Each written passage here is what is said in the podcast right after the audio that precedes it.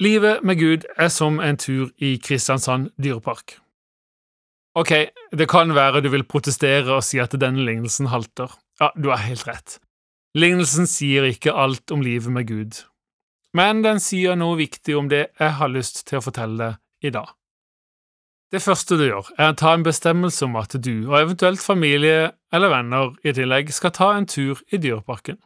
Det skjer jo ikke av seg sjøl, du må velge det. Det andre er at du må skaffe deg en inngangsbillett. Kun de som har billett, får komme inn i parken. Sånn er det òg i livet med Gud. Alle er velkomne til å komme inn i Hans rike, til å bli en del av Hans familie. Ja, det er faktisk sendt ut en invitasjon til oss. I en av Jesu lignelser sier han, i Lukas 14, 16 og 17. Det var en mann som ville holde et stort gjestebud, og han innbød mange. Da tiden for gjestebudet kom, sendte han tjeneren sin av sted for å si til de innbudte, Kom, for nå er alt ferdig. Du er altså invitert inn til livet med Gud, men du må ta valget sjøl. Det skjer ikke av seg sjøl, og du blir ikke tvungen til det. Men, men hva med inngangsbilletten, da? For på samme måte som du ikke kan komme inn i Dyreparken uten billett, så kan du heller ikke det i Guds rike. Noen har prøvd seg med en CV full av deres gode gjerninger. Andre viser til slektstreet og deres foreldres kristne tro, men ingenting av det holder. Det er bare én billett som gjelder, Jesus Kristus og den gaven han gir oss, som Efeserbrevet 2,8 sier. For av nåde er dere frelst ved tro. Det er ikke deres eget verk, men Guds gave. Altså, da Jesus døde på korset, så åpna han veien til himmelen, slik at hver den som tror, ikke skal gå fortapt, men ha evig liv, som det står i Johannes 3, 16. Du er altså invitert. Inngangsbilletten er gratis, Jesus har betalt dyrt for den, og du velger forhåpentlig å takke ja til å bli en del av Guds familie, til å bli en borger av Guds rike, til å bli Guds barn. Men hva gjør du så? Når du kommer inn i dyreparken?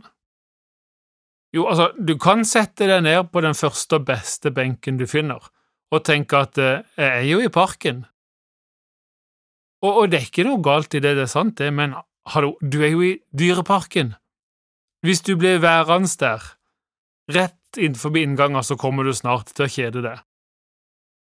For i Dyreparken, rett inn forbi inngangen, så er det bare en stor asfaltplass. Et ganske kjedelig sted å være.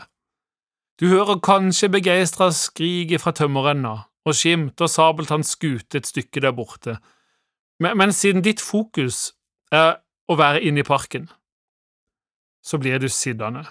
Du sier deg fornøyd med å være der du er nå. Ok, Hvis det eneste målet ditt er å være i dyreparken, så kan det fungere greit med en benk på asfaltplassen. Men vi er jo invitert til noe mye mer. Vi er invitert til å oppleve dyreparken.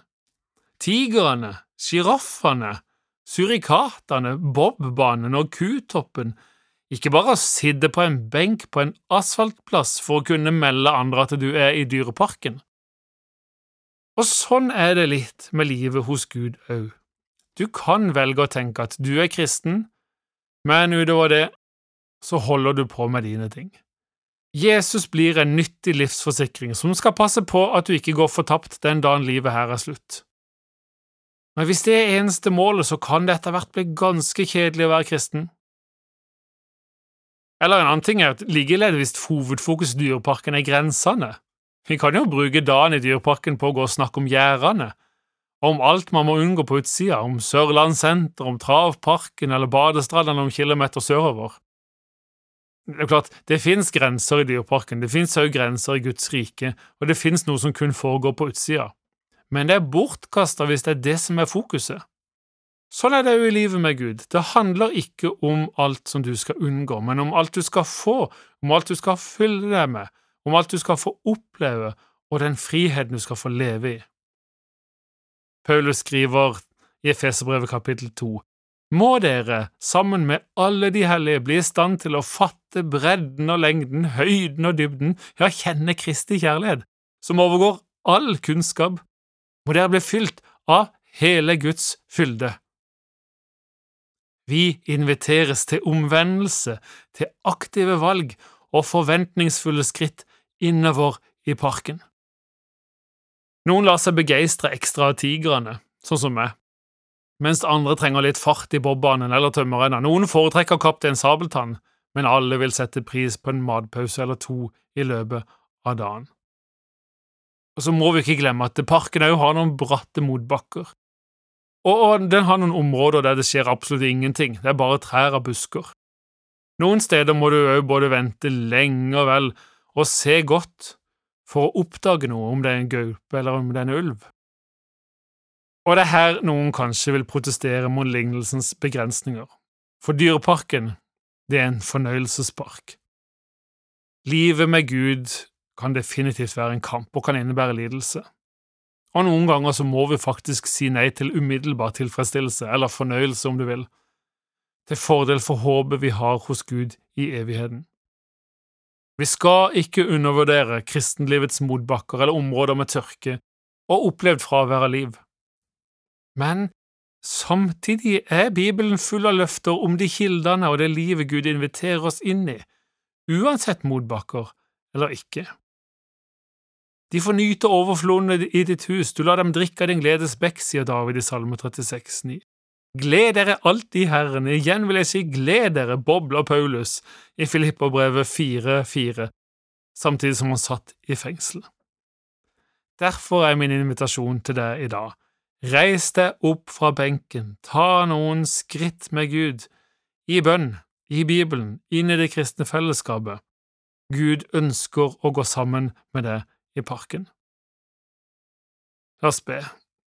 Herre, takk for at du inviterer oss til å leve i ditt rike som dine barn og få oppleve rikdommene hos deg. Vi vil ta imot alt du vil gi oss. I Jesu navn. Amen. Ta imot Herrens velsignelse. Herren velsigne deg og bevare deg. Herren la sitt ansikt lyse over deg og være deg nådig. Herren løfte sitt ansikt mot deg og gi deg fred. I Jesu navn. Amen. Over en åpen bibel var ved Jarle Haugland, og serien produseres av Norea Mediemisjonen.